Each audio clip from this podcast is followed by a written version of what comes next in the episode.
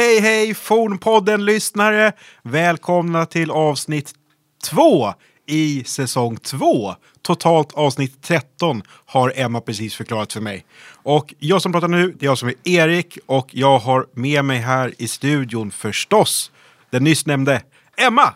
Hej Erik! Och vi sitter här också med Tobbe, Studio Ruffen. Alla är samlade, det är ett nytt avsnitt, det är som det ska. Hur är läget? Jo men det känns eh, jättebra. Taggad, lite nervös. Eh, men det är väl bra, antar jag. Hur känns det för dig? Jag känner att jag hypade alldeles för mycket de här första sekunderna på avsnittet. Eh, Så nu är det slut. Nu, blir nu det- är jag helt slut. Men det, det kanske är bra att jag taggar ner lite sen. Kanske, vem vet. Mm. Men jag är ändå taggad på eh, dagens avsnitt. Det är ett väldigt spännande ämne. Mm. Eh, det är ju ingen överraskning för er kanske, för ni har ju sett titeln gissar jag på. Eh, men men, Ska vi börja skriva fel titlar så folk kan nog bli lite överraskade när vi... Vi gaslightar. Ja. Perfekt. Eh, ni hörde inte det där. Nej, det gjorde ni inte. Eh, men innan vi börjar med det, Erik, hur är läget? Vad har du gjort sen sist? Det är bra, tack. Jag har kollat på runstenar. Jag var i Upplands Väsby och det tror jag nog ett gäng av er har sett på sociala medier. Eh, och det är runstenar jag har varit och tittat på förut, men jag tycker om de där runstenarna väldigt mycket. Och eh, sen så gick jag runt där och var helt lyrisk, jag tittade på dem, jag pratade om dem och jag skämdes när jag gick förbi någon person på hundpromenad. För jag vet inte om ni förstår det, men jag har inget problem med att prata inför massa folk. Jag har inga problem med att prata och så är det massa människor som lyssnar när de känner för det. Men det är lite pinsamt när jag är ute och pratar om rymdstenar och någon går förbi. Jag vet inte varför, men det är någonting jag har att jobba med. Men det kan jag verkligen förstå. Ja, men tack. Eh, men sen när jag hade pratat om alla de där runstenarna så började jag prata och så kom jag in på någon formulering. Att jag tycker att de här runstenarna förtjänar lite mer uppmärksamhet. Och då trillade polletten ner. Jag har redan pratat om de här runstenarna i ett avsnitt av Vikingapodden. Så allt som jag tyckte var så revolutionerande och nytt, nytt från mig, det har jag faktiskt redan sagt en gång. Plus i då med bättre ljudkvalitet och inget snurvel. Eh, så om man känner åh, orkar inte titta på skägglurken, då kan man lyssna på ett gammalt avsnitt istället och få exakt samma information.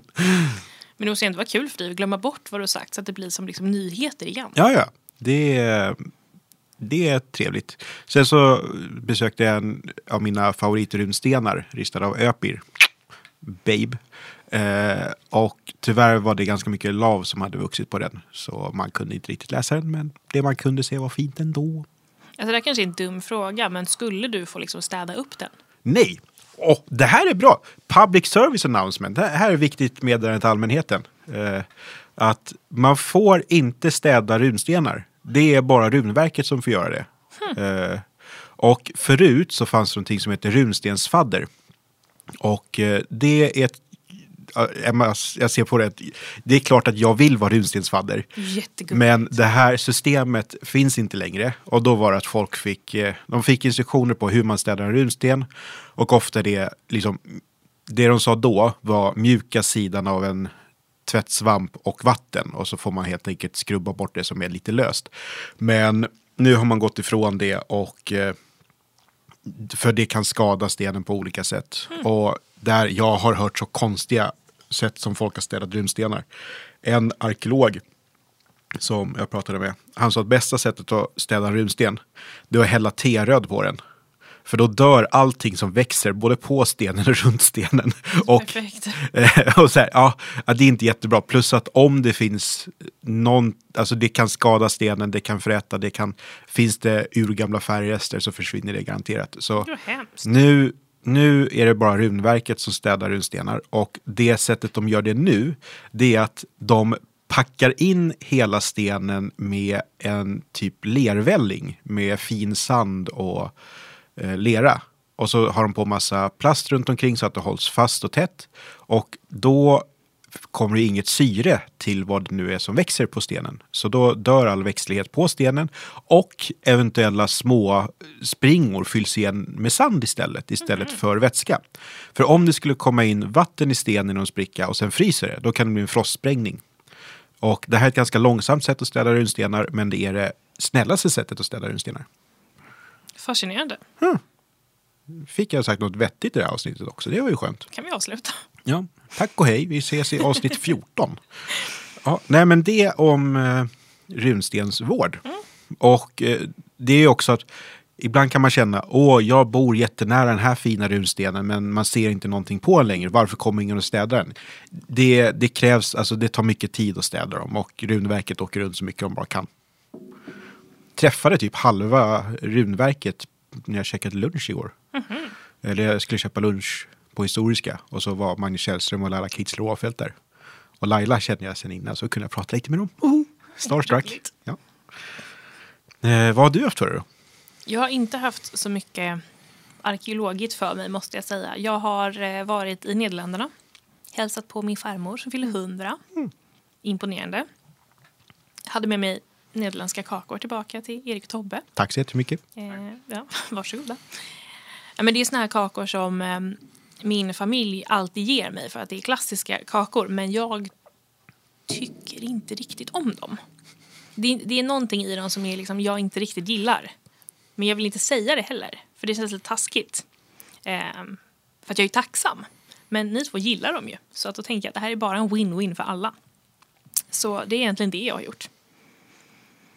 Ja, vi uppskattar det jättemycket. Ja, vad bra. Sen så får man med, med en massa annat gott hem, som strössel till mackorna och sånt där. Så att jag är glad. Mm. Så, och det har jag ju provat nu. Nederländskt maxströssel. Och där, eh, din Hugo tipsade ju om så här, vilket bröd jag skulle ha. Det skulle vara så vitt bröd som möjligt. Jag tror att det är briochebröd. Och så har man på tutti frutti strössel och så ska det tydligen vara frukost. Det, det var som att käka tårta på ett kalas. Och det är inget, alltså det var gott. Men inte frukost. Jag står fast vid det. Alltså det kanske inte är den hela frukosten, men jag skulle kunna säga att det kan vara den avslutande delen på frukosten istället för en chokladcroissant, typ. Ah, Okej, Om fair enough. typ sånt. Ja. Men jättegott i alla fall. Så det är väl det. Mm. Men eh, ska vi... Det här avsnittet kommer ju troligtvis bli ganska långt. Mm. Så vi kanske bara ska eh, berätta vad, vad vi ska prata om. Erik, vad blir det idag? Det blir Egypten. Och eh, i antika Egypten som du förstår, det är ett ganska litet ämne. Det finns inte så mycket att prata om. Men vi har... Jag på en halvtimme. Ja, eh, och sen så kommer vi nog aldrig mer återkomma till det här. Nej, men jag blev så inspirerad i förra avsnittet när Emma pratade om den där, den där tumören. Och då blev jag så sugen på mer om antika Egypten. Och Emma, är, du, du har inte heller någonting emot antika Egypten. Absolut inte. Och eh, sen så kom vi på det att nej, det kanske inte är ett så litet ämne egentligen. Att det vi har att göra med är, vad blir det, tre och ett halvt tusen år av historia som ändå kan räknas som antika Egypten. Så vi har valt lite saker som vi ville gotta ner oss i och vi kommer inte vara i närheten av färdiga med det här. Nej. Men eh, Det blir som en liten, en liten teaser, en liten, eh, en liten intro till några olika ämnen. Mm. Lite spridda, men det blir nog bra. Ja. Och antika Egypten har varit en väldigt viktig del i att jag ska hamna där jag är. Och jag gissar att du har säkert också en barndom med Egypten. Oh ja, absolut. Har du så här första minne? Ja, jag satt faktiskt och tänkte på det eh, i förrgår. Att det är när jag kollar på Scooby-Doo. och det är något mumie-monster som jagar dem i något avsnitt som jag blev jätterädd för att jag var liten. Men också så fascinerad. Och sen så såklart kommer ju eh, liksom eh, filmen The Mummy med Brendan Fraser. Fantastisk film. Ehm, och jag bara blev så golvad av allt som var spännande. Också spelade Age of Mythology. Jättekul. När jag var liten. Jag tycker det här är en rätt bra läxa i att alltså, folk frågar mig vad tycker du om vikingen med hon på hjälmen? Att Alltså det är inte rätt, men det kan ju skapa ett intresse. Alltså om du såg Scooby-Doo och nu är du arkeolog, då tycker jag att det är helt okej sätt att komma in i ett intresse. Eh, Så det är jättebra. Ja, du då? Mm, nej men för mig var nog, alltså jag kan säga att jag har haft någon sån där äh, med Asterix i Egypten och sådär. Men när jag var liten så åkte min farbror till Egypten på en resa. Och när han kom därifrån så hade han köpt med sig en liten statyett till mig med gudinnan, vad heter hon, Bass, eh, som har ett katthuvud. Och eh, det tyckte jag var så fascinerande och sen så blev jag liksom besatt av Egypten och åkte in till Medelhavsmuseet. Och jag var jätterädd för mumier. Och sen så blev jag sådär insatt i någonting som ett barn kan bli. Och då började jag samla på små egyptiska figurer. Och då ville jag ha en figur. Den här schakalhövdade guden förstås. Och på den tiden på Kungsgatan i stan då fanns butiken Fantasia. Och det här har jag pratat om i andra poddar vet jag, så det kanske blir lite repetition. Men då åkte jag och pappa in dit och då bodde jag i Brottby, som är mellan Stockholm och Norrtälje. och så finns den här schakalfiguren och så säger jag till han som jobbar där, jag skulle vilja ha hunden där. För Erik som går på lågstadiet, ingen av de andra barnen i Brottby visste ju någonting om egyptisk mytologi. Så varför skulle en vuxen person i Stockholm veta någonting om egyptisk mytologi? Så då säger jag hunden där, för jag tror han har ingen aning om vad det är han säljer. Och då säger han, vet du vad det är för hund? Och jag är så här, oh, ja det är väl en schakal. Och, han säger, och så börjar han förklara Anubis för mig. Och jag vet ju redan vem Anubis är. Och sen på väg därifrån så säger pappa så här. Varför sa du hunden där? Varför sa du inte Anubis? Och då, det här är när jag är sju, åtta år. Nu är jag 32, fyller 33. Och pappa pratar fortfarande om hunden där. Att jag har examen i arkeologi. Jag har förtjänat att slippa slippa narras för en egyptologisk tabbe jag gjorde när jag var åtta år gammal. Men det här hemsöker mig. Det här är, det, Anubis väger fortfarande mitt hjärta mot en fjäder och jag misslyckas varje gång. Så, så Egypten, det går långt. För, och, och sen så första populärkulturen jag riktigt tar till mig, då är det eh, ursprungliga Stargate-filmen som var asläskig men jättecool. Säkert. Mm. Har inte sett tv-serien Stargate så mycket. Men filmen är bra. Mm. Mm.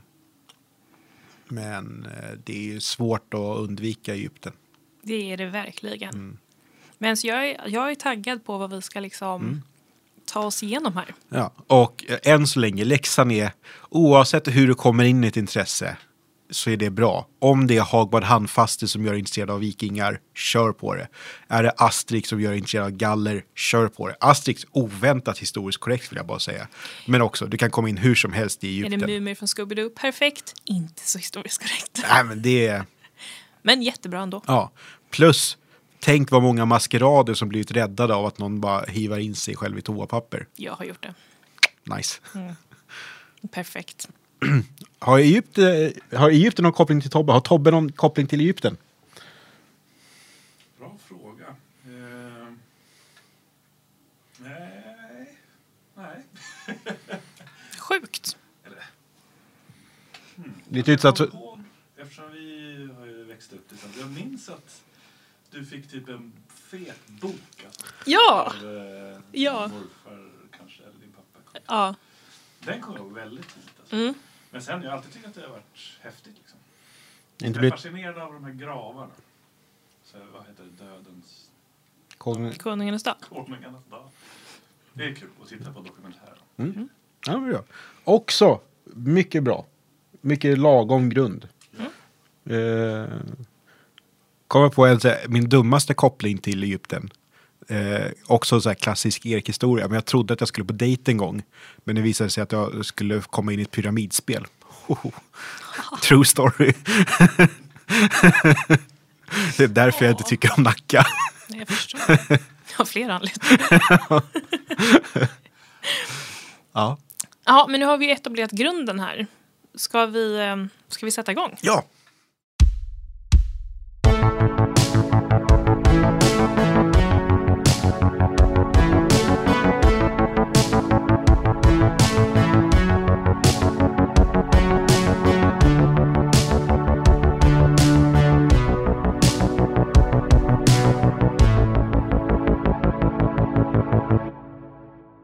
Var ska vi börja någonstans? Jag kom på två saker jag vill tipsa om.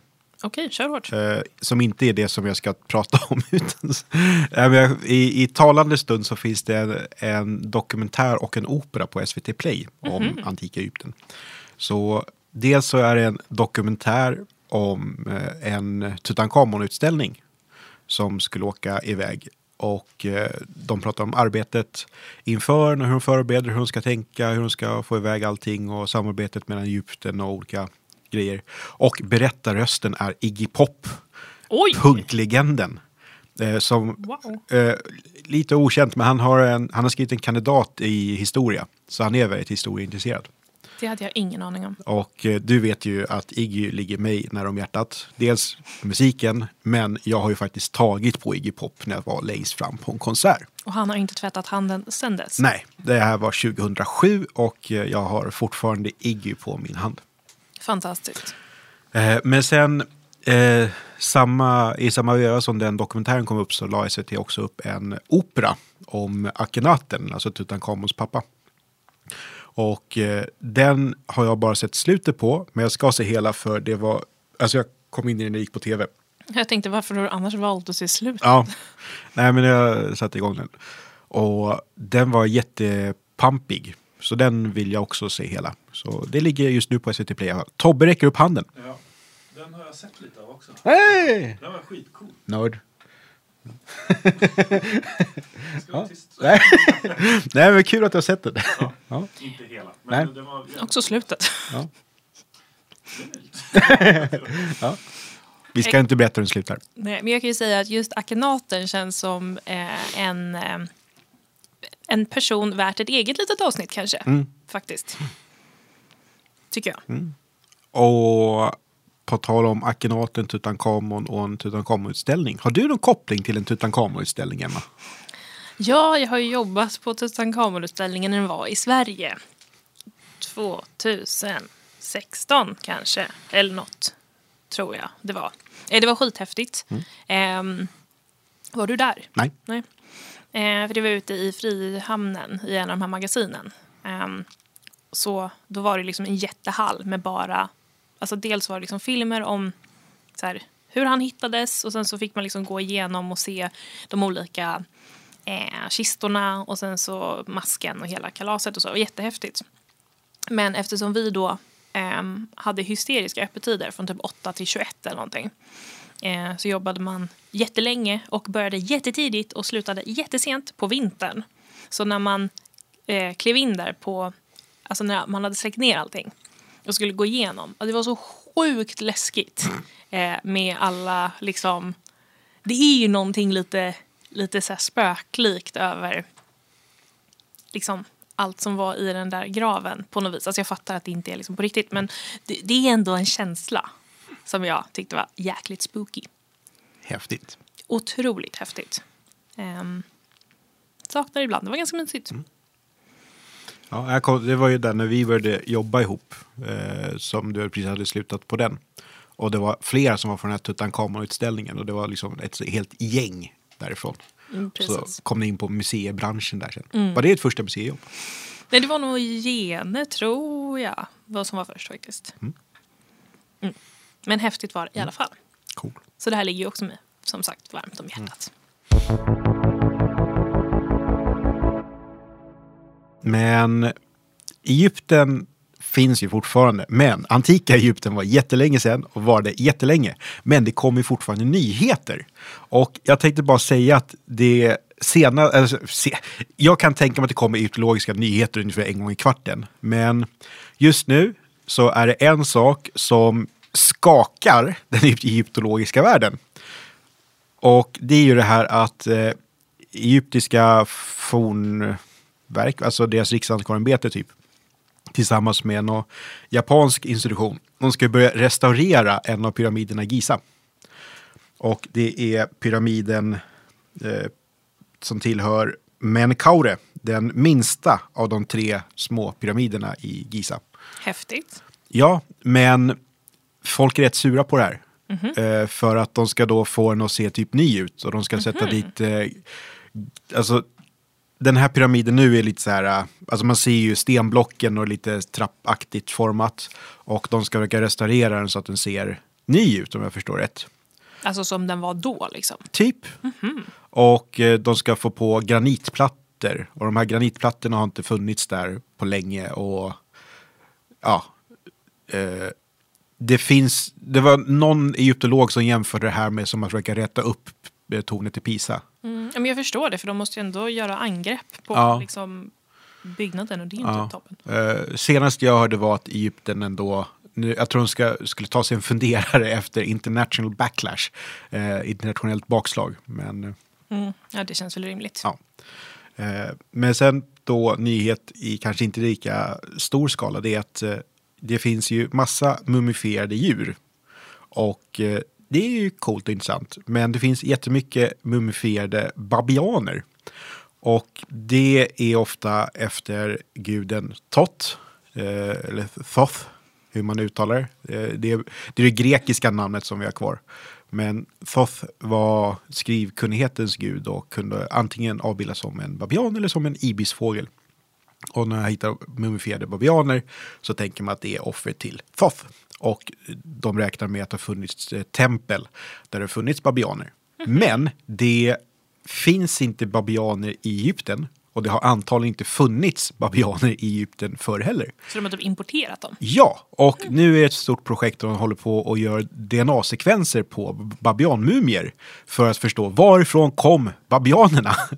Så det är ett forskningsprojekt som jag kommer tycka är lite kul att, alltså jag kanske inte kommer följa det slaviskt, men om jag ser rubriken dyka upp så kommer jag klicka på den och tänka, åh, det var ju spännande, det var jag nyfiken på. Det är ju faktiskt väldigt roligt. Eller hur? Eh, Jag måste bara säga att eh, Thoth i sin fågelskepnad har jag ovanför mitt skrivbord. Så Bra fick- ställe att ha. Ja, jag fick, eh, jag fick honom när jag skulle skriva min masteruppsats tror jag. För att hjälpa mig i mina Ja, studier. Jättefint. fint. Ja. Jag har en tott i bokhyllan. Också bra ställe att ha den på. Eller i mitt vitrinskåp med Mm. pryttlar, du vet. Nice. Ja men kul. Mm.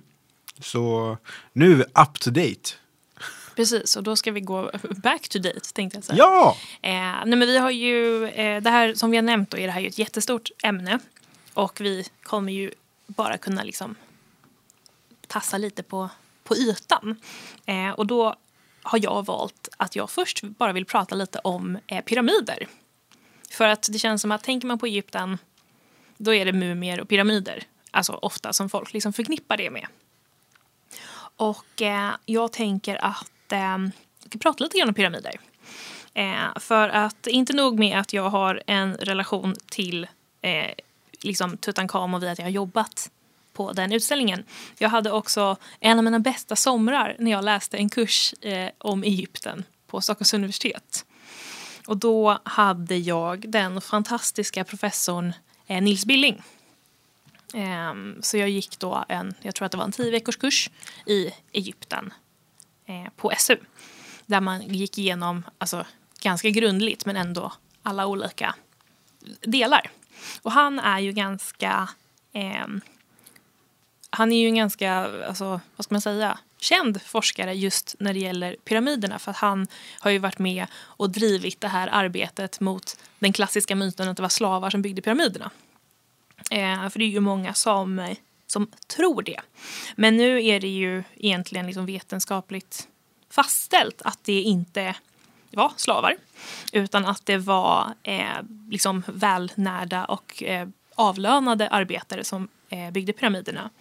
Och att eh, många pratar om att det var bönder, eh, speciellt under de delarna av året när eh, Nilen svämmar över och de inte kan bruka sitt land. Så eh, bygger de då pyramider istället och att det ska ha varit liksom ett väldigt, eh, vad ska man säga, ett, ett, eh, ett fint jobb, fint arbete. Det är en asrimlig förklaring. Jag har inte hört kopplingen till Nilen förut. Nej. Eller alltså Egyptens koppling till Nilen, Mm. men inte just det här. Ja, nej, jättespännande.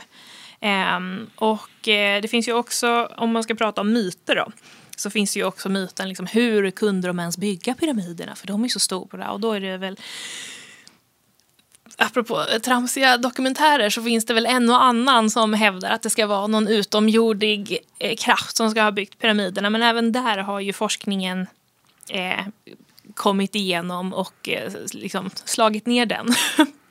och eh, 2018 så hittade man, eh, när man undersökte en pyramid i Hatnub, så hittade man eh, ramper och hål och liksom stegar och så.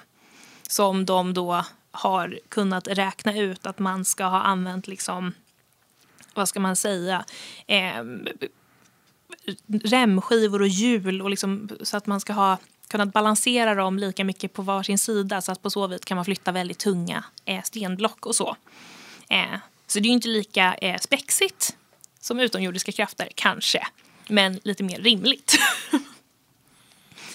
så det, eh, det tycker jag är spännande. Att man kan slå hål på dem.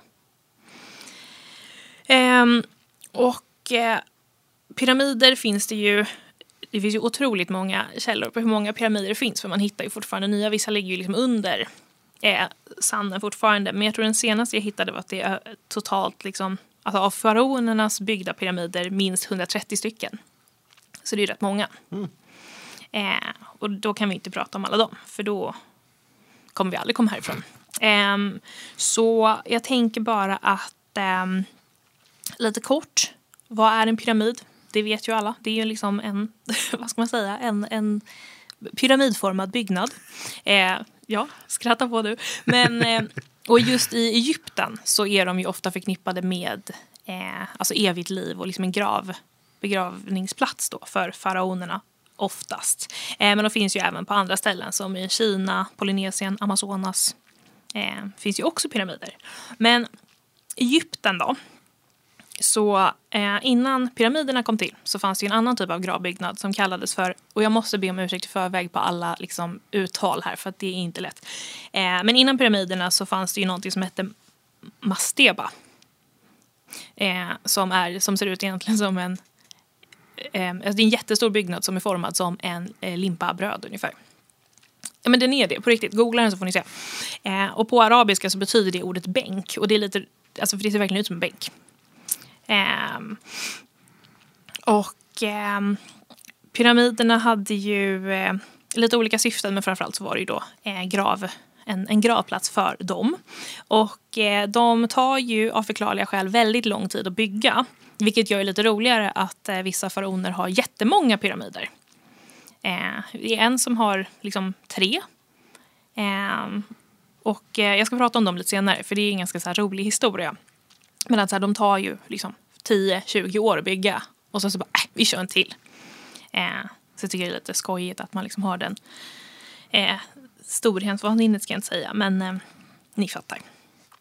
Eh, och många av de här pyramiderna är ju placerade väst om Nilen just för att det är liksom där solen går ner så tanken är att man ska liksom följa med solen ner när man har dött då. Eh, och de har ju lite olika utformning. Det finns ganska häftiga ehm, liksom, eh, liksom, bilder över hur de ser ut inuti. De har eh, eh, kapell, de har magasin, de har liksom tempel. Alltså det finns massa olika rum i de här beroende på hur stora de är. Men framförallt så är det ju då den här sarkofagkammaren då som kanske folk förknippar med eh, pyramiderna. Där det då är eh, den gravlagda, eller flera eh, som ligger.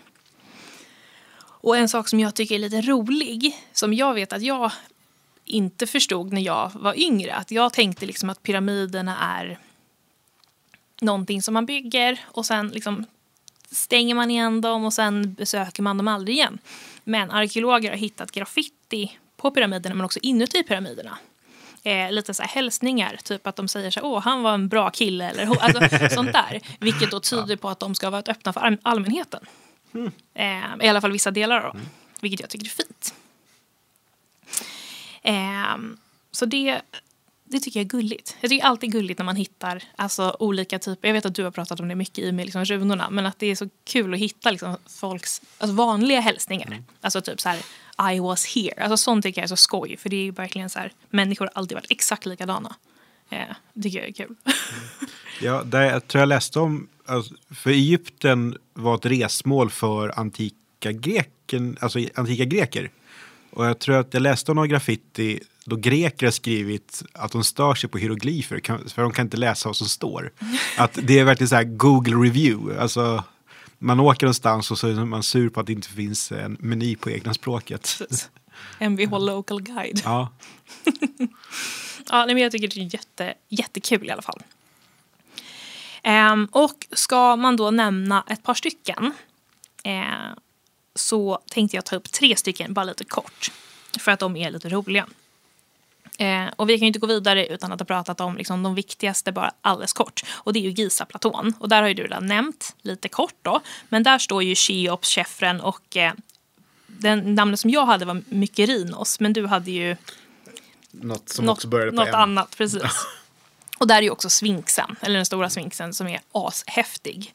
Eh, men här måste jag bara fråga dig, Erik. Har du något minne när du var barn av ett, liksom ett mattespel med pyramider? Nej. För att när jag gick i typ mellanstadiet så hade vi ett spel på våra datorer i skolan som hette Chefren, tror jag.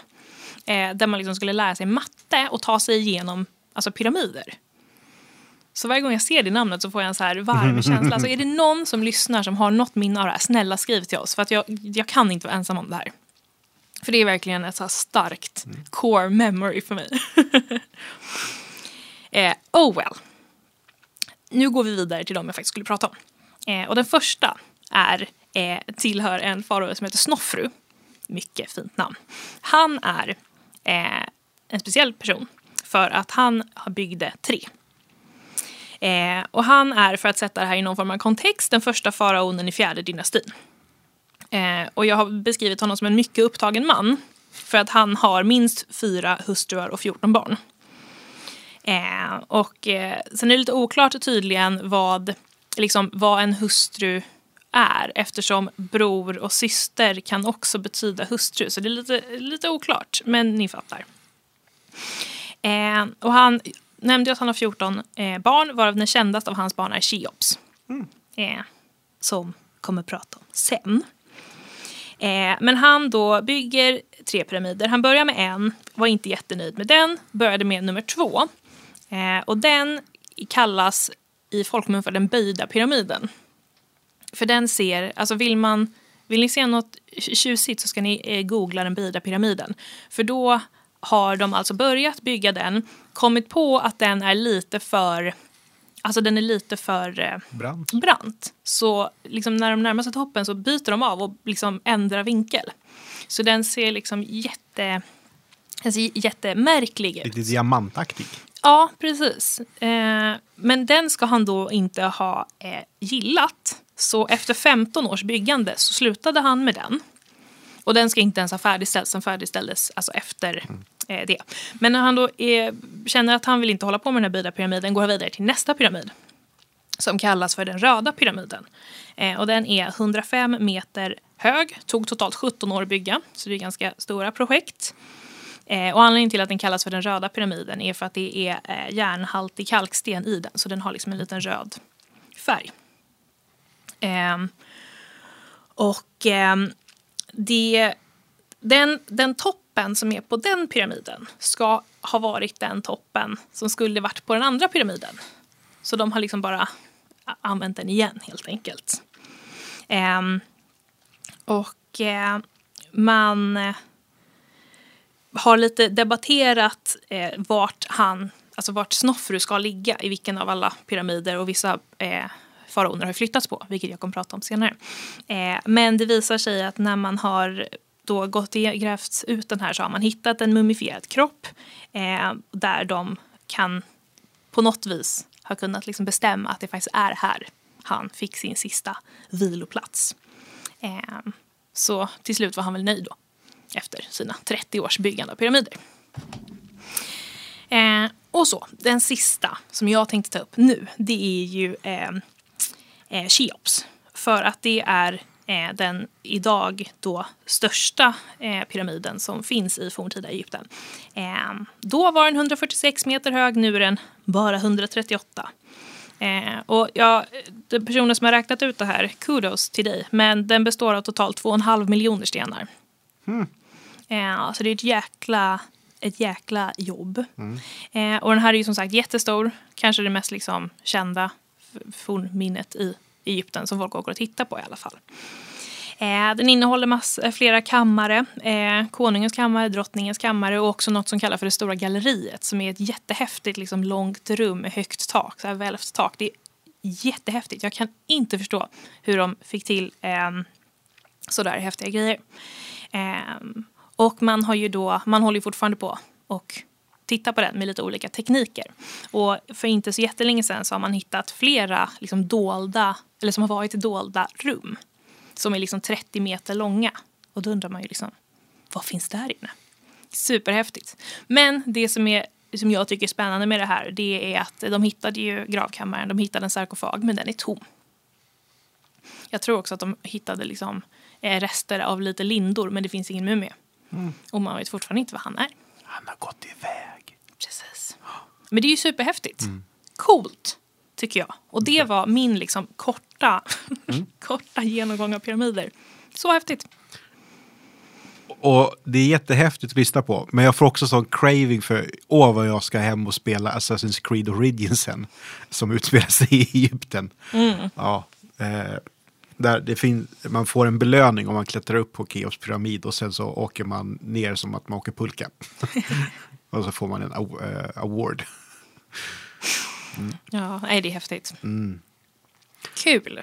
Väldigt. Och ja, alltså jag är inte en person, alltså jag åker sällan till ställen och får en wow-känsla. Eh, att jag kan, liksom, jag, kan tycka om, jag kan tycka att någonting är fint och så kan jag se en bild på det och få ungefär samma effekt som om jag åker dit. Men att gå in i en pyramid, det tror jag skulle vara häftigt Verkligen. på riktigt. Mm.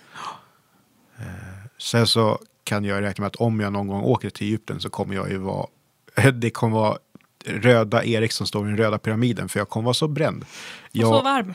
ja, oh, sa- ja, just det. Varmt i Egypten. Väldigt varmt i Ja. Egypten. Jag hanterar inte värme och sol asbra. Men eh, någon gång kanske. Ja, jag har inte heller varit där. Det hade varit eh, jättehäftigt att, att se. Jag kan bara tänka mig att det måste vara, ja, men som du säger, lite svårt att greppa utan att liksom se det. Bra grej. Otroligt. Tack Emma. Ja, varsågod.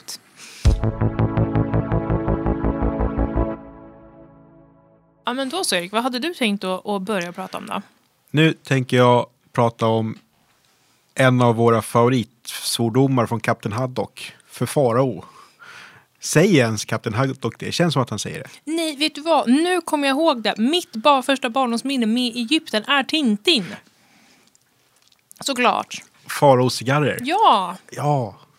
skitläskigt när han blir, spoiler, gas. Alltså när han får liksom, när man släpper ut någon gas när han är fast i den där mm. sarkofagkammaren. Och Herregud. börjar hallucinera. Ja! Skitläskigt, men så Oj. bra. Ja. Mm. Nej, eh, jag var inte jättenöjd med hur jag öppnade det, men jag är glad att vi kom in på det här istället. Ja, eh, eh cigarrer är nog mitt favoritalbum med Tintin också. Men ja, jag tänkte prata om Farao. Eh, för Farao. och ganska central gestalt i antika Egypten. Och Farao är ju då den här, eh, jag ska säga, kungen av antika Egypten som dyker upp i populärkultur, dyker upp i pyramidsammanhang och allt det där. Men en sak som jag upptäckte inför det här då, att titeln farao är inte asgammal. Att typ första hälften av Egyptens historia så är det mer att det är mer ord som skulle vara synonymt med typ kungar. Att man, det är kungar i Egypten. Farao är någonting som växer fram. Och själva ordet som blir farao, vars uttal jag har försökt förstå på antikegyptiska. men jag, jag, jag tror att det är mer ett p-ljud i början, men ja, jag ska inte svara på det. Men från början betyder ordet farao själva hushållet, det kungliga hushållet. Lite som om att vi idag skulle prata om kungahuset. Att det har att göra med palatsen, det har att göra med organisationen runt de här husen. Men sen så blir det en synonym för själva kungen. Och eh, det är lite som att vi då om 500 år skulle prata om kungahuset så menar vi då Carl Gustavs ättlingar. Ja, men intressant. Mm. Eh, Så istället använder man olika ord som skulle vara snarlika med kungar och det finns andra titlar, till exempel Horus och Horus är en av de här viktigaste gudarna. Vilket leder till att en av de första kända kungarna i Egypten är känd som Horus Aha. Och det här är ett namn jag tyckte är ganska kul. För dels Aha är ju lite så här, aha för oss idag. Så ska vi säga att det alltså det, det, jag tycker det är gulligt namn på något sätt. Det är Men eh, väldigt ja. Horus Aha är den första eller näst första kända kungen i Egypten. Men sen så småningom så blir farao ett begrepp och faraon är ju den store ledaren. Och det är en militär ledargestalt och det finns ju faraoner som tycker om att visa upp sig som att de är med på själva fälttågen också. De står på sådana här äh, vagnar och skjuter pilbåge. Och de är viktiga i religionen och faraon är ju också då en koppling mellan gudamakten och folket. Att det är inte bara att de har bäst kontakt med gudarna som kanske en präst, utan de är ju också en gud och de är sonen till Gud. Och det är därför då som en kung som Akenaten, han kan ju verkligen göra sånt, en sån stor förändring. För han i, ser ju sig själv då som sonen till solguden. Och solguden eller solskivan är Aken. Och hans ursprungliga namn är Aten och så blir han då Akenaten, Aten av Aken lite rörigt där på modern svenska istället. Och Akhenaten han gör ju om det religiösa systemet så att istället för att vara den här politistiska mytologin och religionen med massa olika gudar så har de bara solskivan ett tag. Och de har det verkligen bara under Akhenaten, hans avtryck. Folk var rätt upprörda verkar det som. Och vi får tänka alla de här olika templen som hade sina gudar. Och sen så bara, nej, fick de inte ha det längre. Så så fort Akhenaten dör så går de tillbaka till det. Och då Tutankhamon eh, han, eh, från början hette han också någonting med Aken, men de byter namn på honom sen. Men eh, det, ja, en kungageneration prövade någonting annat. Eh, men sen när vi tänker på antika Egypten, då är det lätt att tänka sig Egypten, det är en sak, men det fanns olika Egypten. Det fanns övre och nedre Egypten. Och de hade olika kungar. Och de här kungarna hade olika uttryckssätt. Så övre Egypten, de hade, deras kung hade en speciell huvudbonad som hette Hedjet och det är känt som den vita kronan och det ser lite ut som en vas kan man väl säga. Ungefär. Hög och vit sak på huvudet. Och sen så nedre Egypten, de hade Deshret, eller den röda kronan. Och det ser ut lite som vad ska jag säga, en quarterpipe för de som kan sin snowboard och skateboardåkning. Lite skidbacken som man gör i osten fast nej, det här är bara sämsta möjliga sätt på att beskriva det. Men lite svängd. Mm. Ja, då så, är vi nöjda så? Jajamän. Ja. Så de kungarna hade olika uttryckssätt. Och sen så runt år 3150 innan vår tidräkningsbörjan. Då erövrar den ena kungen det andra och då förenas Egypten. Och då slås också de här två huvudbonaderna ihop till Pshent eller Sechemti som är verkligen att de verkligen, alltså de sätter ihop De, de, kombinerar två. dem Ja, jätte... och det tycker jag ganska, ja, och det är ett ganska fint sätt att säga, inte nu har vi min krona för rubbet och för att visa jag vann, utan det är så här, nu är jag båda. Jag tycker det är nog lite snällt sätt att göra det. Eh, och sen så finns det ju då kungar i Egypten under lång tid och en massa olika dynastier. Jag tror att det är 25 dynastier eller någonting. Och ibland så är de från Egypten, ibland kommer de någon annanstans ifrån. Men jag tror att det är de sista 700 åren av vad vi kan kalla ett faraonvälde. Då är det inte längre att det är från Egypten ledarna kommer, utan det är assyrier och så är det några andra och sen så kommer Alexander Stores generaler och erövrar och då får den ptolemaiska eh, dynastin. Och den mest kända av Ptolemajerna det är väl Kleopatra. Och henne har vi också pratat om att henne borde vi göra ett helt avsnitt om. Det borde vi. Men hennes namn, Kleopatra, Cleo betyder ljus och Patra betyder faders. Så hon är sin faders ljus. Det är fint. Det är ett väldigt fint namn. Och det här Cleo, det finns med i en av gudarnas namn också, Herakles eller Herkules. Och Herakles betyder Heras ljus. Och Hera är ju Herkules eller Herakles svärmor, styvmor. Nej, Styvmor, inte svärmor. Eh, och eh, de som kan sin mytologi vet att Hera inte alls tycker om Herakles. Så det borde kunna finnas någon äldre myt där de faktiskt har en bättre kontakt mellan varandra. För Hera är inte så förtjust i att Zeus kommer med en son som han har fått någon annanstans.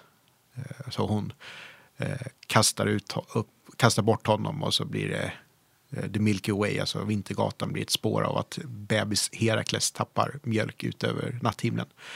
Har inte alls med Her- eh, Kleopatra att göra, men bara för att... Fint sidospår, Ja, men jag, om jag kan några antika grekiska ord så tänker jag ta dem. såklart. Ja. Och eh, sen så var det ju nära att den här faraon-dynastin skulle fortsätta efter Kleopatra. För hon får ju barnet, vad heter han, Caesarion med Julius Caesar. Och då vill jag också lite pretentiöst säga, han hade inte sagt Caesar, han hade sagt Caesar. Eh, det hade varit ett K-ljud i det C. Men ingen fattar om man säger Julius Caesar. Det låter som att man vill försöka beställa en döner mit Käse i Kreuzberg i Berlin, en kebab med ost. Eh, oj, vilka sidospår det här blir. Men eh, dör ung och sen så är det romerskt och grekiskt styre och det påverkar konsten väldigt mycket. Så istället för att ha de här gamla farao-sarkofagerna innan så kommer det nya sarkofager där man istället målar porträttlika bilder på själva sarkofagen. Nu pratar jag knappt alls om faraoner längre, men ni som har lyssnat på det här vet att det är så här det funkar när Erik ska kolla en röd tråd. Erik tror inte på röda trådar, han tror att det är mer som en kofta med olikfärgade trådar som tillsammans bildar en helhet. Fint. Har jag snott av en föreläsare jag hade i en kurs om antika Grekland. Allting bara faller, faller samman, höll jag på att säga, men det är kanske är exakt det Det gör. Ja, det också. Eh, Men eh, ja, det får vara lite så här crash course i faraoner och eh, sidospår. Men det, ja, men det jag tyckte var att bara en sån sak att ordet faraon inte finns med hela tiden. Finns, alltså, vi snackar fortfarande årtusenden av att ordet farao finns. Men att det blir så tydligt hur länge antika Egypten varade. Att man kan börja prata om antika Egypten för drygt ja, men 3200 år innan vår tidräknings början. Och Kleopatra dör runt 30 år innan vår tidräknings början. Blir det väl. Att det är så sjukt lång tid. Och den här klassiken att Kleopatra, nu, nu blir det så här riktigt klyscha, men Kleopatra lever närmare iPhone än att pyramiderna byggs. Att, I tid. Ja, det är ju helt galet. Ja, och eh, i det här spelet Assassin's Creed Origin som jag tyck, tycker om så mycket.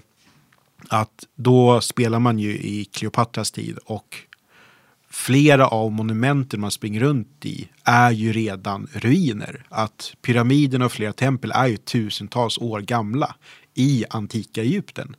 Att de här monumenten var resmål för turister för att de var så sjukt gamla. Och vi är fortfarande turister där. Det är fascinerande. Ja. Häftigt. Something to think about. Du, du, du.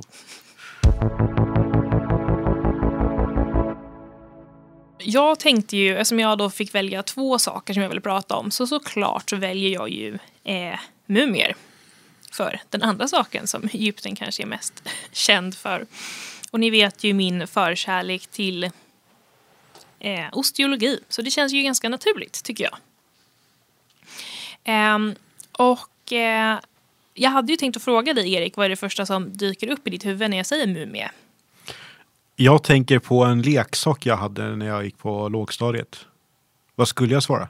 Nej, jag tänkte med att vi har redan pratat om våra liksom, anknytningar till Egypten så då kanske vi redan hade tagit Ja, det, ja. första, det första som man tänker på. Mm. Eh, och jag hade ju sagt återigen Scooby-Doo men nu Mm. när vi har, när jag har kommit till någon form av insikt så är det ju Tintin. Det är verkligen det, är det jag tänker på när jag Ja. tänker på mumier. Det är väl nice. Ja, men jag tycker det också. Men vad var det här för leksak? Eh, Det var, det var en mumie och när man vickade på ena armen så trillade en andra armen av. Och, alltså det har gjort så för att det var ett lik.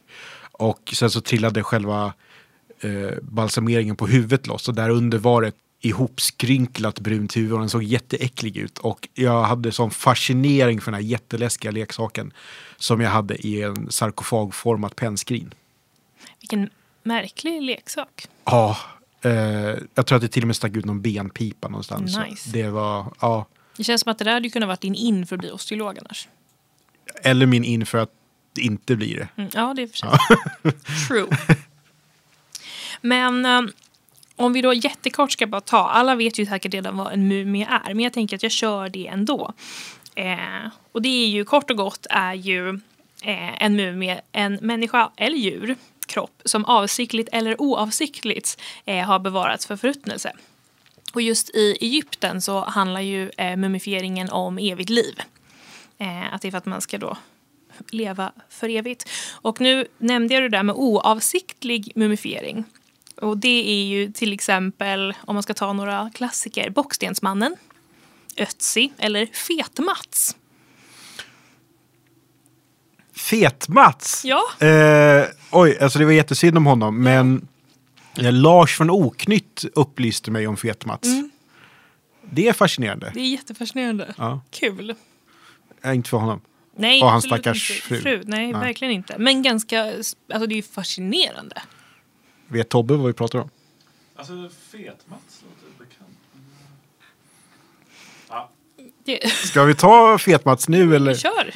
Eh, jag kan inte Fet-Mats så bra. Alltså, jag, jag kan det också halvdant, så vi kan hjälpas åt. Ja, nej men han jobbade väl i någon gruva. Mm. Och så gick det dåligt. Eh, sagt. Ja. Och sen, vad är det, drygt så här 30 år senare så tar de sig in i den här gruvan igen. Hittar ett lik som ser ut som att han dog nyss. Tar upp honom till ytan och folk ska försöka identifiera honom.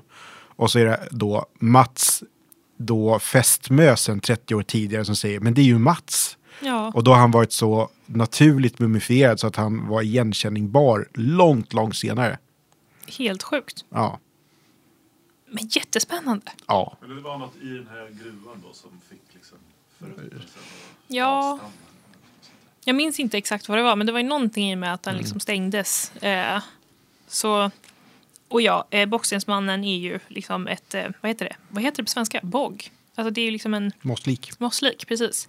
Eh, så olika typer av processer som då avstannar förruttnelsen. Men i Egypten så gör man det högst avsiktligt. Och eh, jag hade ju inte kunnat gå vidare utan att berätta kort hur man gör. Hehe. Det är ju skoj.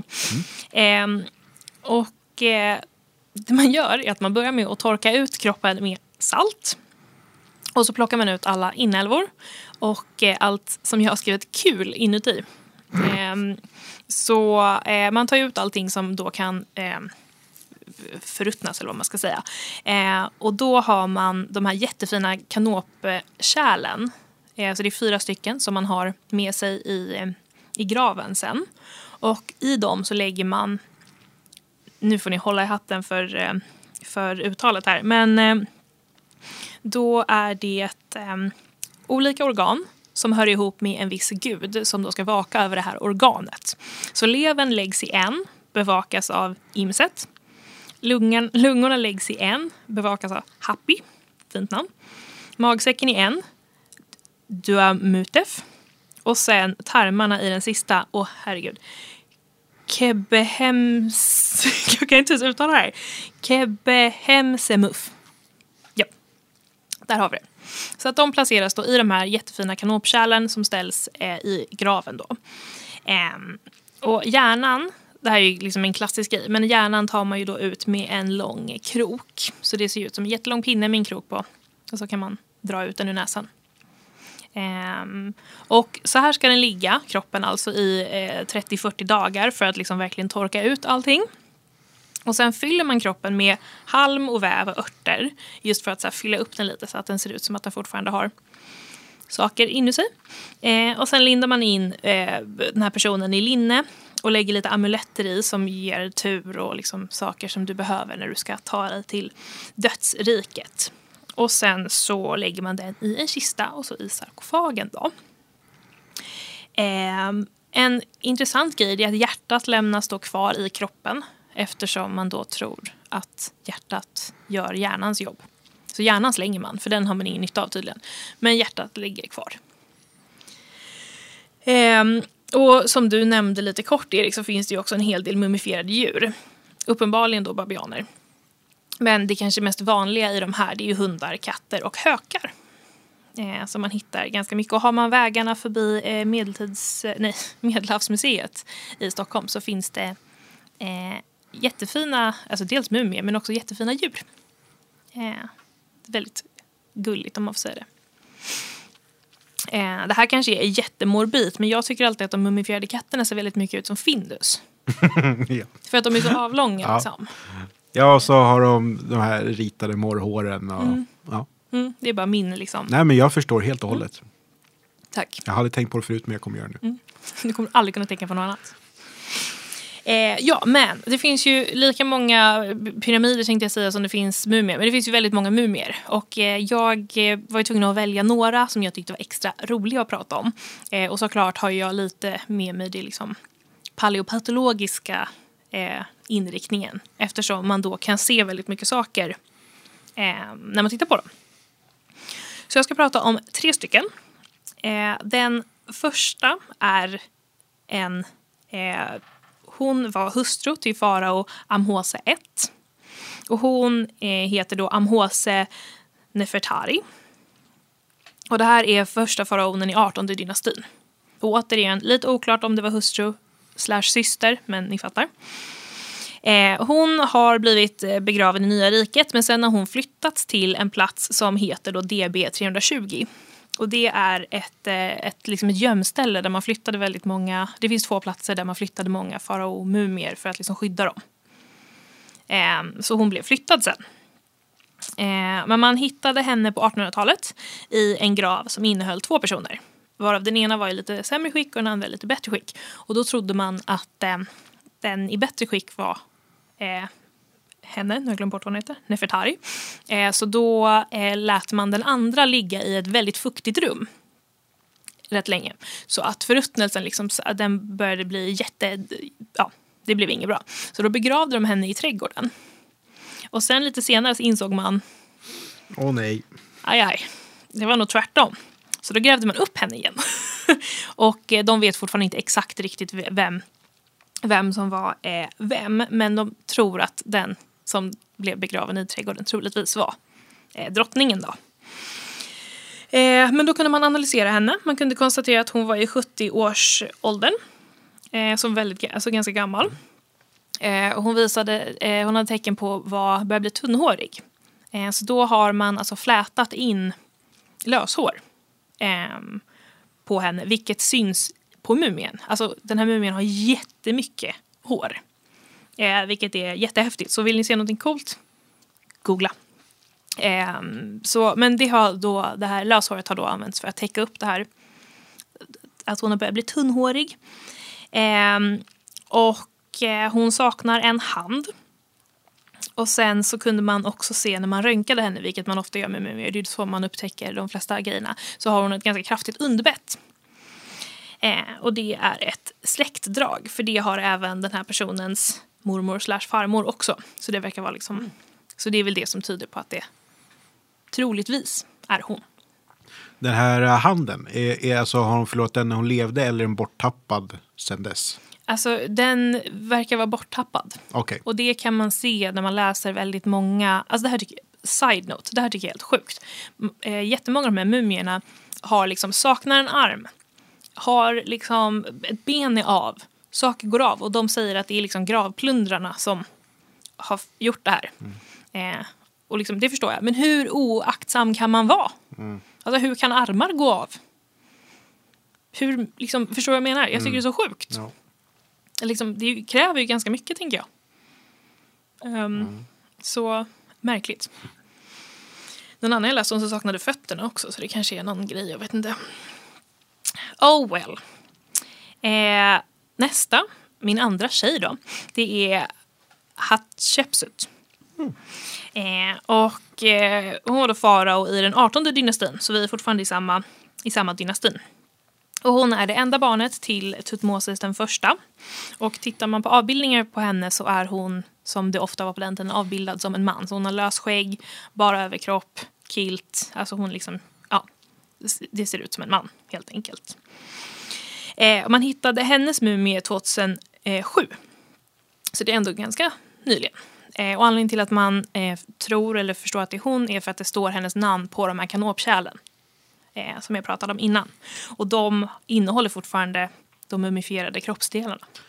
Alltså, jag blir så avis på det här. Alltså, tänk om någon i den runanvändande delen av världen hade tänkt på det där. Det hade varit så mycket enklare va? Ja.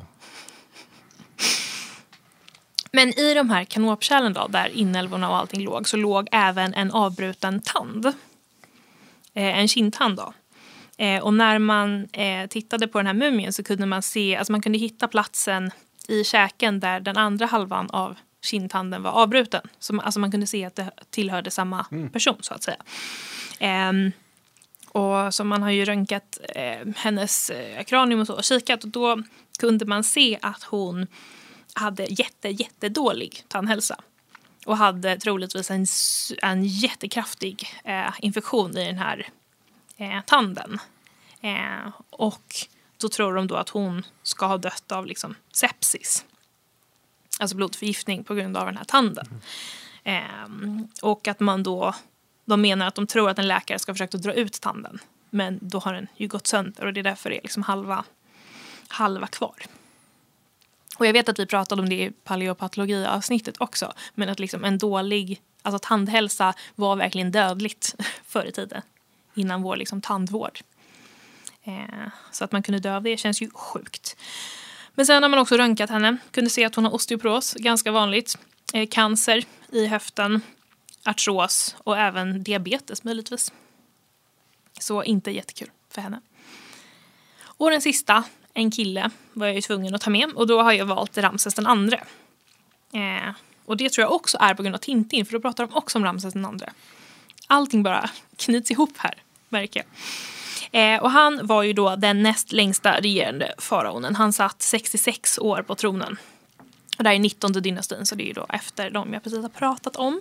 Eh, han har begravts i Konungarnas dal, men även han har flyttats eh, till en sån här safe space. Eh, och den han flyttade sig kallas för TT 320. Man hittade honom 1881 och han eh, är väldigt välbehållen, faktiskt.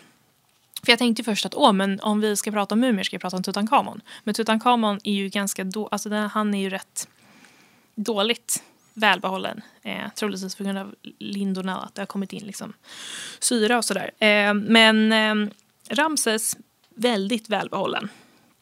Och det de skriver om honom, som jag tyckte är lite kul, det är att han har en så kallad liksom, romersk näsa. Eh, som är ganska liksom prominent, böjd liksom. Eh, och så. Och sen har han en väldigt framträdande haka. Power move. Ehm, han ska också ha varit 170 centimeter lång, vilket är liksom bra längd för den här tiden. Eh, och där tänkte jag att du skulle tycka var roligt, Erik. När man hittade honom så har man analyserat honom. Och då visade det sig att han har vågigt rött hår. Hey! Eh, och då var det först, tänkte de att då har ju han färgats, alltså håret har färgats av henna.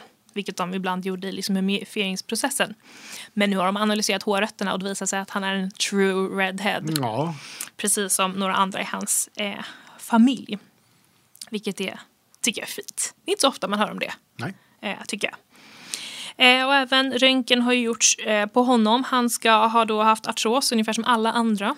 Eh, men en ganska grov artros och eftersom han var så pass gammal så tänker de att han troligtvis ska ha gått lite, alltså haltat lite eller gått lite sådär, äh, haft svårt att gå på ålderns höst. Eh, och även här så hittade man ett eh, hål i eh, underkäken som är en så kallad abscess som är en, liksom en utvecklad, när man får en inflammation i tanden och den går alldeles för långt så utvecklas det liksom en, en vad heter, ja, alltså det blir som ett hål i käken som fylls av tråkiga saker och, de, och det kan man dö av. Eh, så forskarna har sagt att den är så pass grov att han skulle kunna ha dött av det, men det är ingenting man vet. Eh, så det är väl det. Tankar, åsikter. Vet du om det är internet, myt eller riktigt att Ramses den andre är den enda faraon som har ett modernt pass? Ja, ja, det stämmer. För Han det, har ett pass.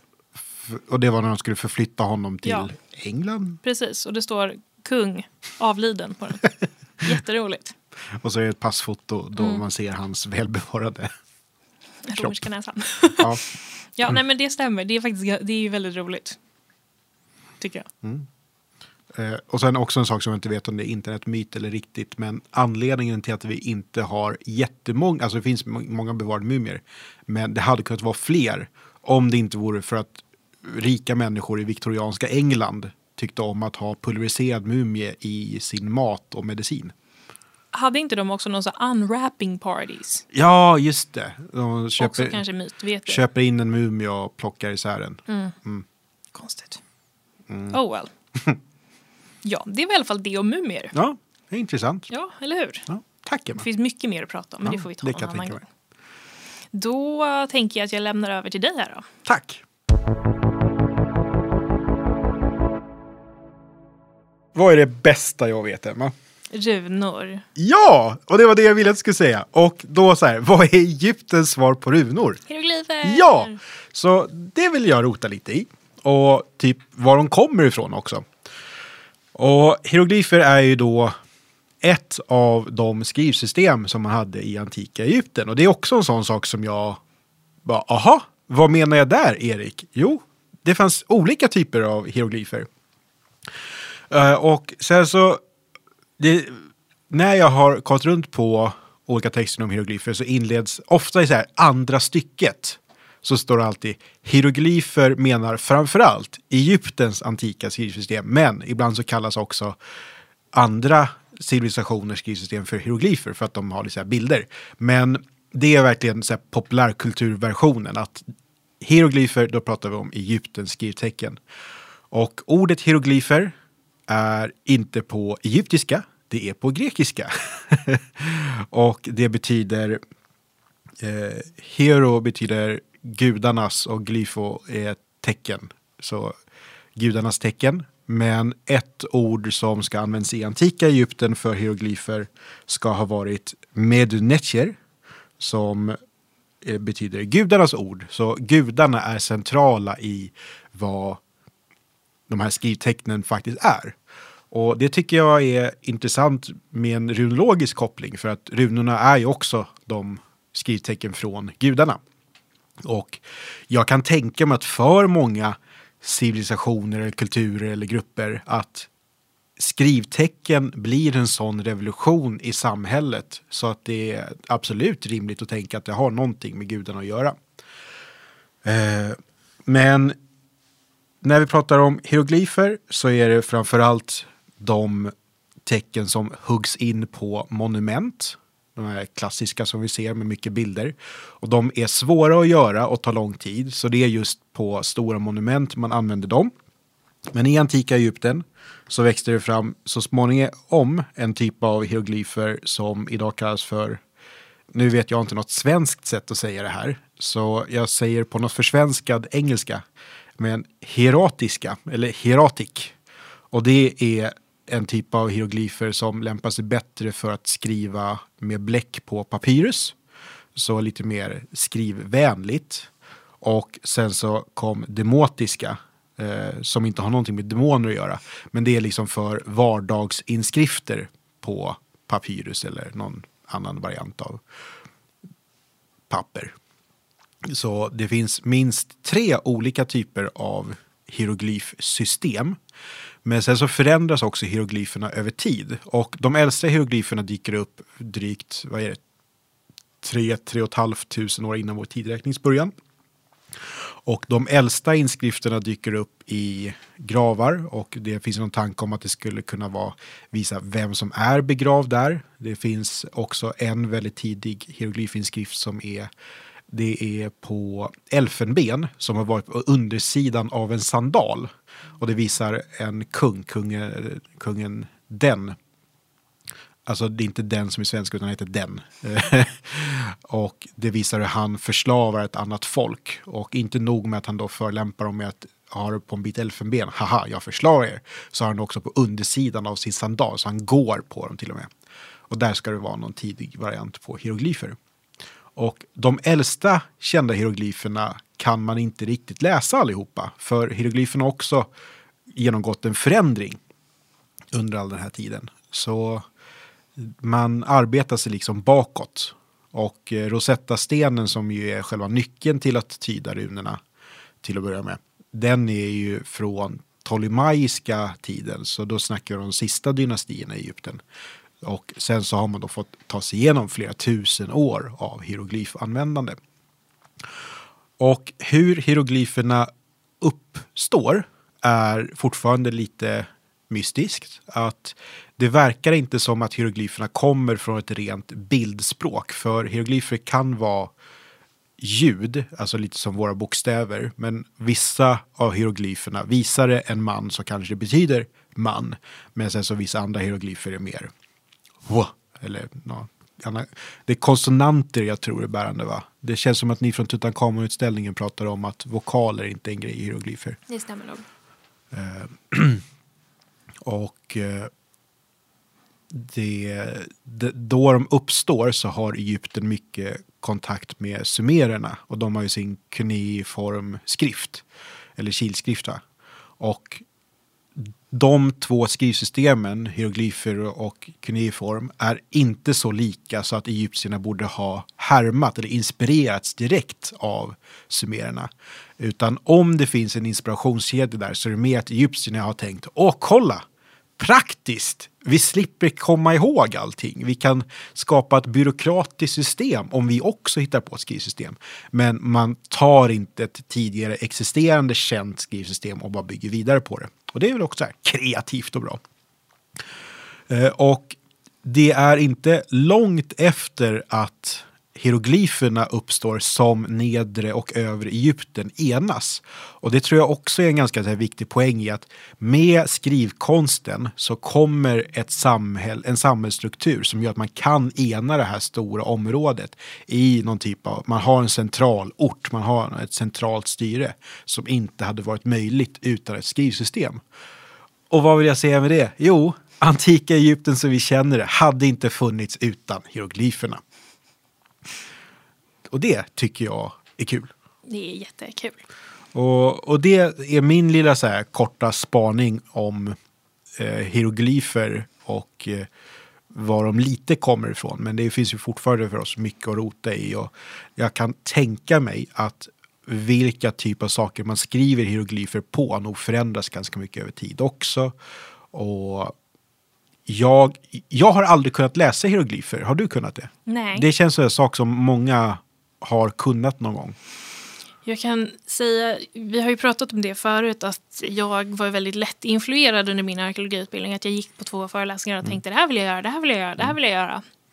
Och såklart så hände ju det när jag gick den här sommarkursen i, om Egypten då. Och jag ett tag var helt övertygad om att jag skulle plugga egyptologi istället för att det var ju så bra.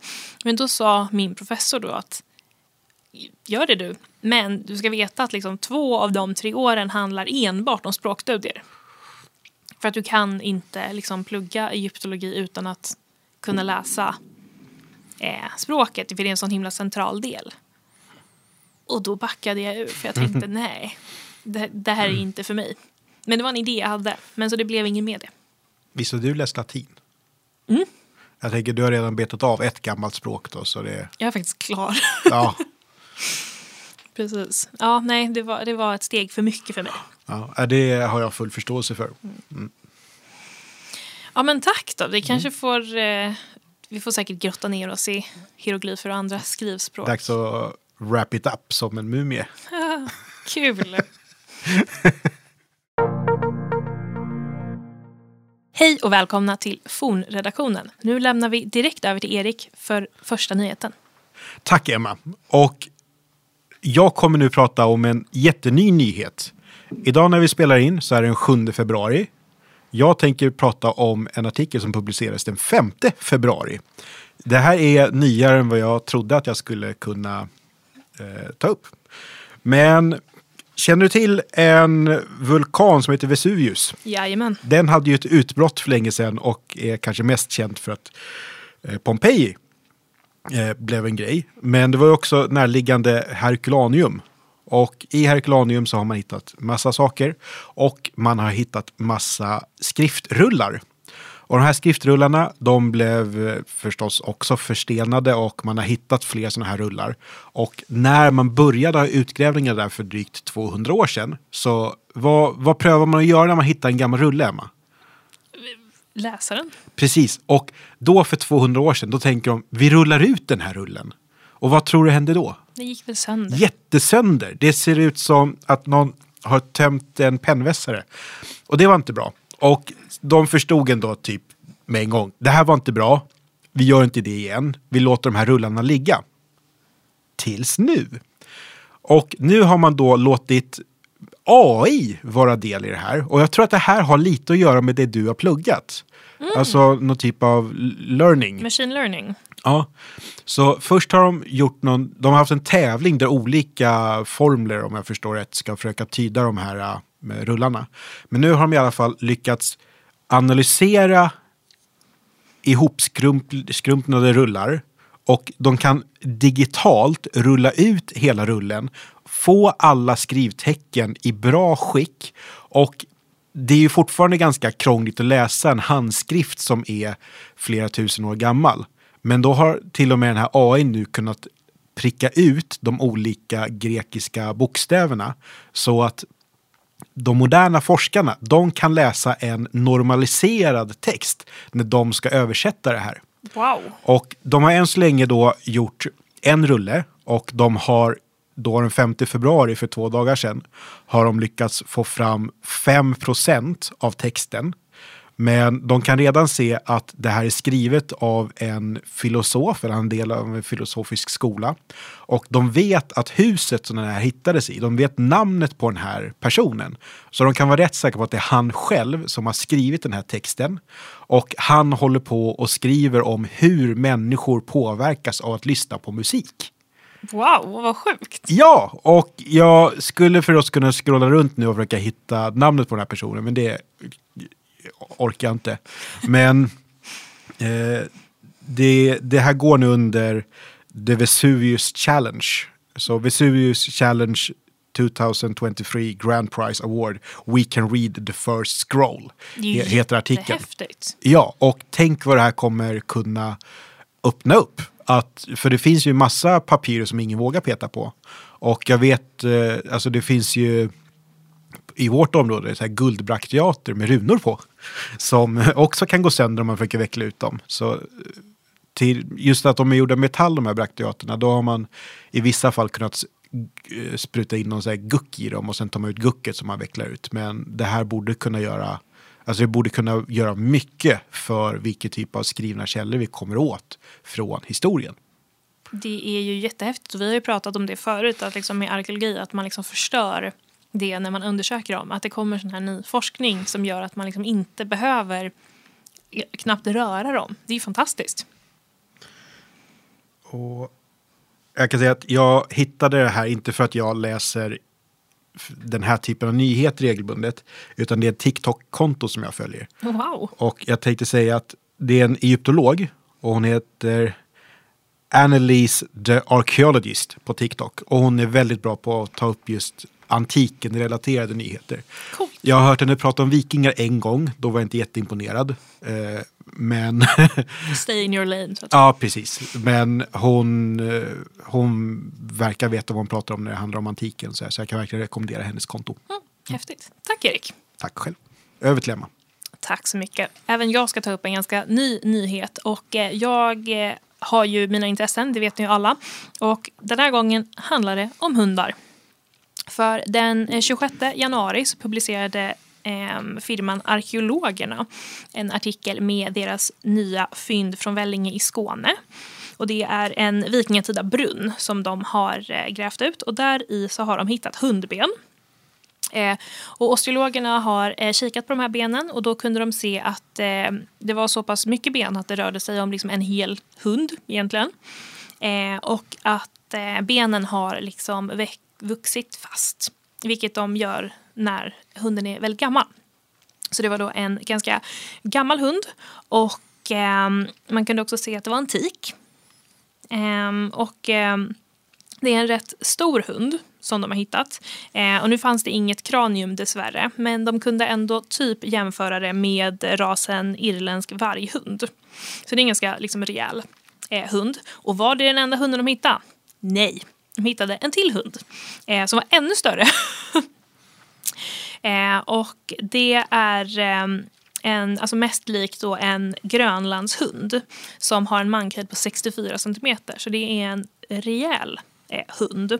Och det här är faktiskt eh, en av de största hundarna från järnåldern som har hittats i, i Sverige. Så det är väldigt häftigt.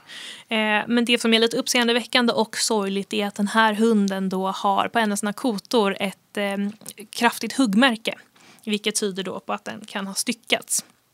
Vilket är jättehemskt förstås. Så jag är ledsen att jag drog ner stämningen där. Men häftig nyhet och utgrävningarna är fortlöper i Vellinge så det kommer säkert fler nyheter från dem inom kort.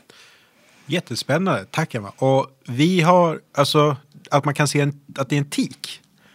Vet du hur det funkar med liksom könsbestämning på hundar? Alltså kollar man på samma delar av skelettet som man skulle kolla på en människa eller?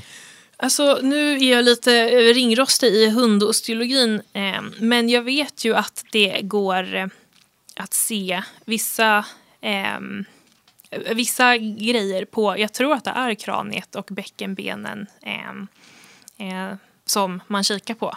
Men jag vet inte exakt vad det är för parametrar man tittar på. Tyvärr. Mm. Nej, men intressant. Verkligen. Och kan också flika in att arkeologerna, det är ju Historiska museets arkeologer. Precis. Så det bara så att man vet vilka det är vi pratar om. Ja, nej men exakt. Men då så, Erik, hur, hur kändes det här då? Nej, men det känns bra. Eh, jag hade ju skrivit upp lite fler rubriker men jag tänker jag sparar dem till en annan gång. Det finns ju mycket att, att, Ja. Att grotta ner sig i, Jo. så att säga. Men jag känner mig nöjd med den här, eh, Mm. den här introduktionen till Egypten. Ja, nej men det var roligt och kul att få sätta sig in i någonting. För när man träffar någon så här, jag är arkeolog, då, det kommer ju ofta en Egypten-fråga. Gud ja. Och det är skönt nu. Nu kan jag i alla fall säga lite mer än vad jag kunde innan. Nej, men det är jättekul och nu blev jag otroligt sugen på att gå hem och kolla på Tintin så jag ska Mm. säkert göra det också. Ja. Kul! Men då så, då, då är vi klara. Tack för idag. Och har man några frågor så skicka gärna in det.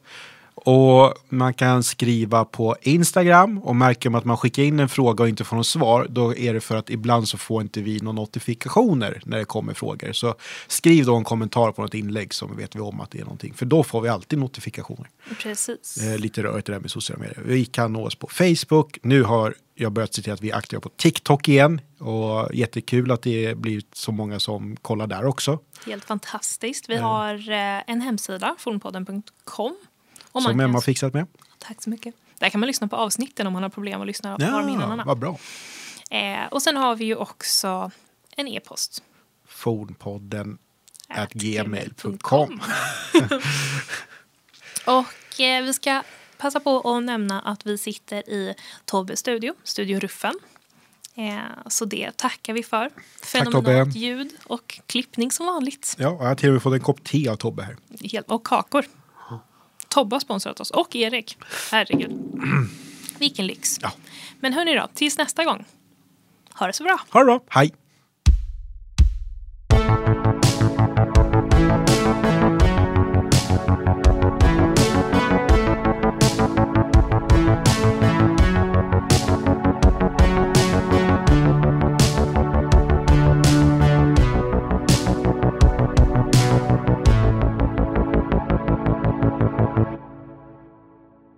Jag säger hero, ni säger glyfer. Hero, Glyfer. hero. Glyfer. Ja. Jaha, du spelar in? Oj.